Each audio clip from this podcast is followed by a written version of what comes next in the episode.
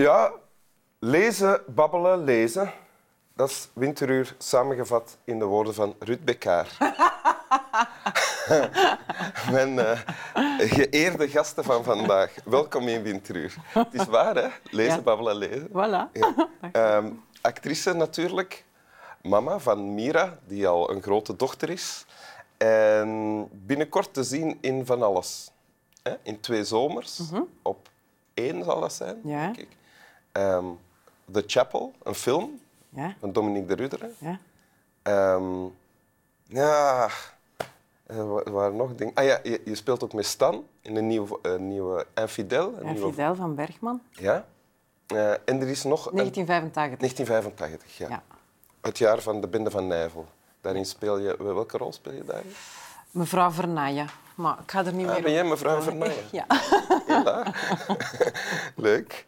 Ehm, en je hebt een tekst meegebracht Oké. van Daniel Garms. Ja. Ah, Waar is de camera? Ah ja. maar ik had echt mijn leesbril moeten... mee- Raad een beetje. Ik ga wat gokken. Oké, hier gaan we. Ik val middenin.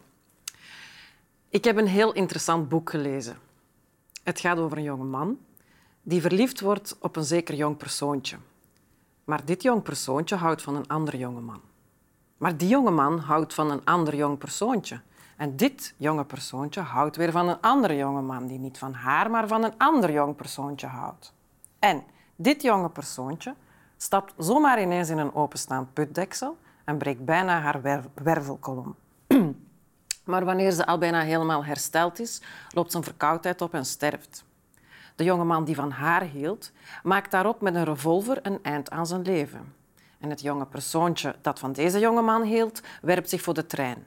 De jonge man die van dit jonge persoontje hield, klimt uit puur verdriet in een bovenleidingpaal van de tram, raakt de draad aan en sterft door de schok. En het jonge persoontje dat van deze jonge man hield, eet zich vol met fijn gestampt glas en sterft aan de ingewandensbloedingen.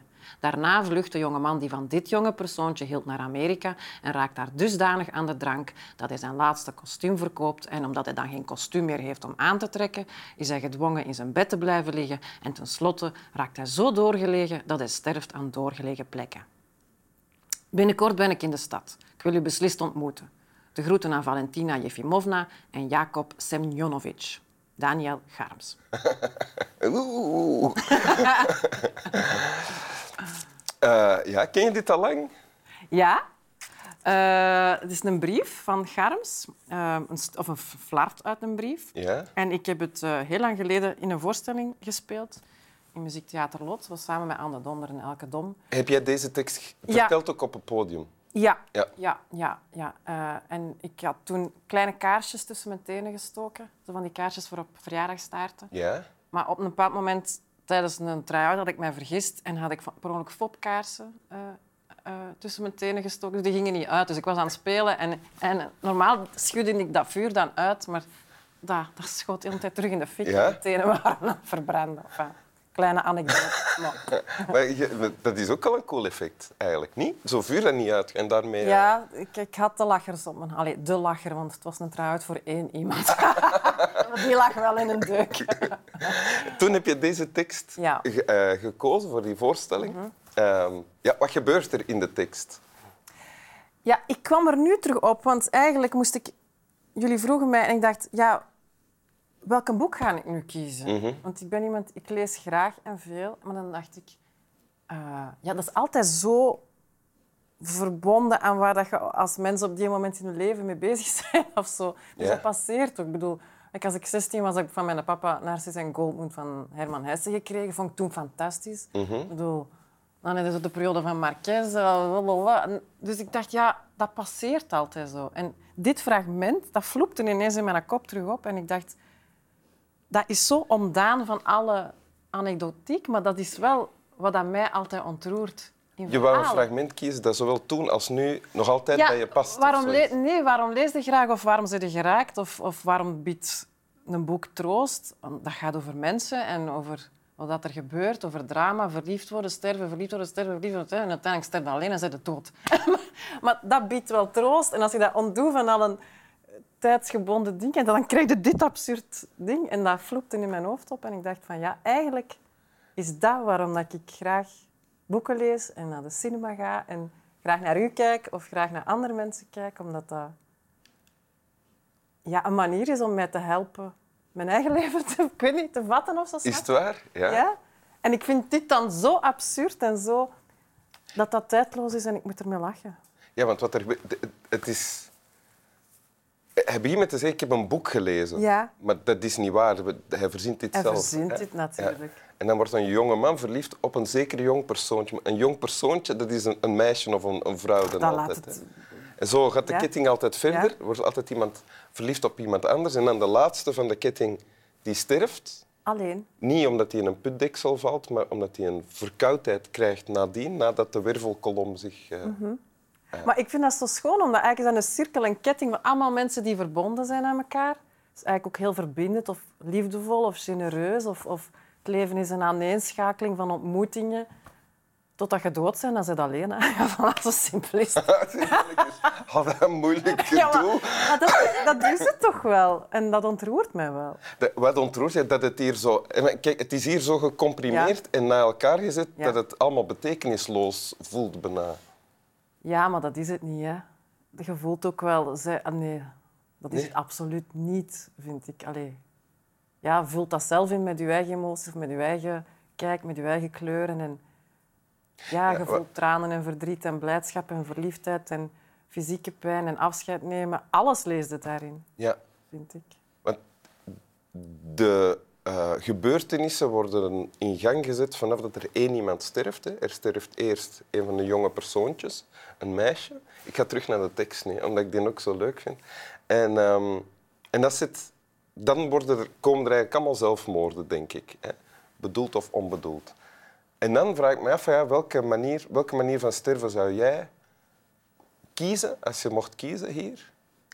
Ja, ehm, Ik zou de bovenleiding van de tram eh, pakken. Omdat dat redelijk snel gedaan is en toch nog, je moet toch nog wat moeite doen. Ja, het is heroïs. Ik, maar ik denk toch, omdat het allemaal zo gruwelijk is, dat ik voor de valling ga gaan, omdat daar nog wat hoop in zit. Dan denkt je, al het erge is gepasseerd en ach, ik heb juist gewoon een beetje een valling. Het zal wel goed komen en dan onverwacht sterft of zo. En dan dus het eigenlijk niet weten, niet zien aankomen. ja, misschien. Ah, ja, Ik denk ja. dat dat het beste is. ja. Je, je hebt die tekst toen gebruikt en nu teruggekozen. Is dat, is dat dan een boek, een tekst die doorgaat? Ik bedoel, is dat een tekst die je meeneemt? Wat bedoelt je? Dat, je een, dat dat een tekst was die je toen las en dat je die nu nog altijd eh, soms leest. Nee. Nee? Nee, maar ik, heb- ik heb echt zitten nadenken. Ik vind het zo rare tijden nu. En, want ik dacht eerst, ah, ik ga eh, het leven van een hond van Sander Collard pakken, omdat ik ermee gehuild had in, in, tijdens de eerste lockdown. En eigenlijk is dat de, het gaat over een saaie man en die zijn hond sterft, maar het is een ode aan het leven. En ik was daardoor ontroerd, omdat toen alles gestopt was. En ik heb eigenlijk heel veel last gehad van... Die, ah, ik vond het vreselijk, heel die... Van verschrikkelijk, die covid-periode. Ah, ja. Ja, ik ben heel graag alleen en ik ben heel graag op mijn eigen, maar ik heb wel connectie met de wereld nodig. Ja. Want Anders dan voel ik mij heel somber. Ja. Dus ik dacht, ah, dat ga ik. Maar ja, ondertussen is de wereld terug aan het... En ik voel mij terug. Ah. En dan denk ik, ja, dit gaat wel over verbinding en connectie in zijn absurditeit. Maar Ja. oh, vandaar. Goed gezegd. Dat heb, ik, dat heb ik nog nooit gedaan. Wil je het nog eens lezen? Ah ja, lezen, babbelen, lezen. Ik zal je aanmoedigen tijdens het lezen, in stilte. Zeg maar, ik heb echt een bril nodig. Ik vind het echt confronterend. Ik heb een heel interessant boek gelezen. Het gaat over een jonge man die verliefd wordt op een zeker jong persoontje. Maar dit jong persoontje houdt van een andere jonge man. Maar die jonge man houdt van een ander jong persoontje. En dit jonge persoontje houdt weer van een ander jonge man die niet van haar, maar van nog een ander jong persoontje houdt. En dit jonge persoontje stapt zomaar ineens in een openstaand putdeksel en breekt bijna haar wervelkolom. Maar wanneer ze bijna helemaal hersteld is, loopt zijn verkoudheid op en sterft. De jonge man die van haar hield, maakt daarop met een revolver een eind aan zijn leven. En het jonge persoontje dat van deze jonge man hield, werpt zich voor de trein. De jongeman die van dit jonge persoontje hield, klimt uit puur verdriet in de bovenleidingpaal van de tram, raakt de draad aan en sterft door de schok. En het jonge persoontje dat van deze jonge man hield, eet zich vol met fijngestampt glas en sterft aan de ingewandsbloedingen. Daarna vlucht de jongeman die van dit jonge persoontje hield naar Amerika en raakt daar dusdanig aan de drank dat hij zijn laatste kostuum verkoopt. En omdat hij dan geen kostuum meer heeft om aan te doen, is hij gedwongen in bed te blijven liggen en tenslotte raakt hij zo doorgelegen dat hij sterft aan doorgelegen plekken. Binnenkort ben ik in de stad. Ik wil u beslist ontmoeten. De groeten aan Valentina Jefimovna en Jacob Semjonovic. Daniel Garms. Dank u. Snap wel. Dat kwam er goed uit, hè, die twee moeilijke namen. Ja, ja hè? Had je dat geoefend? Nee. Nee? Oké.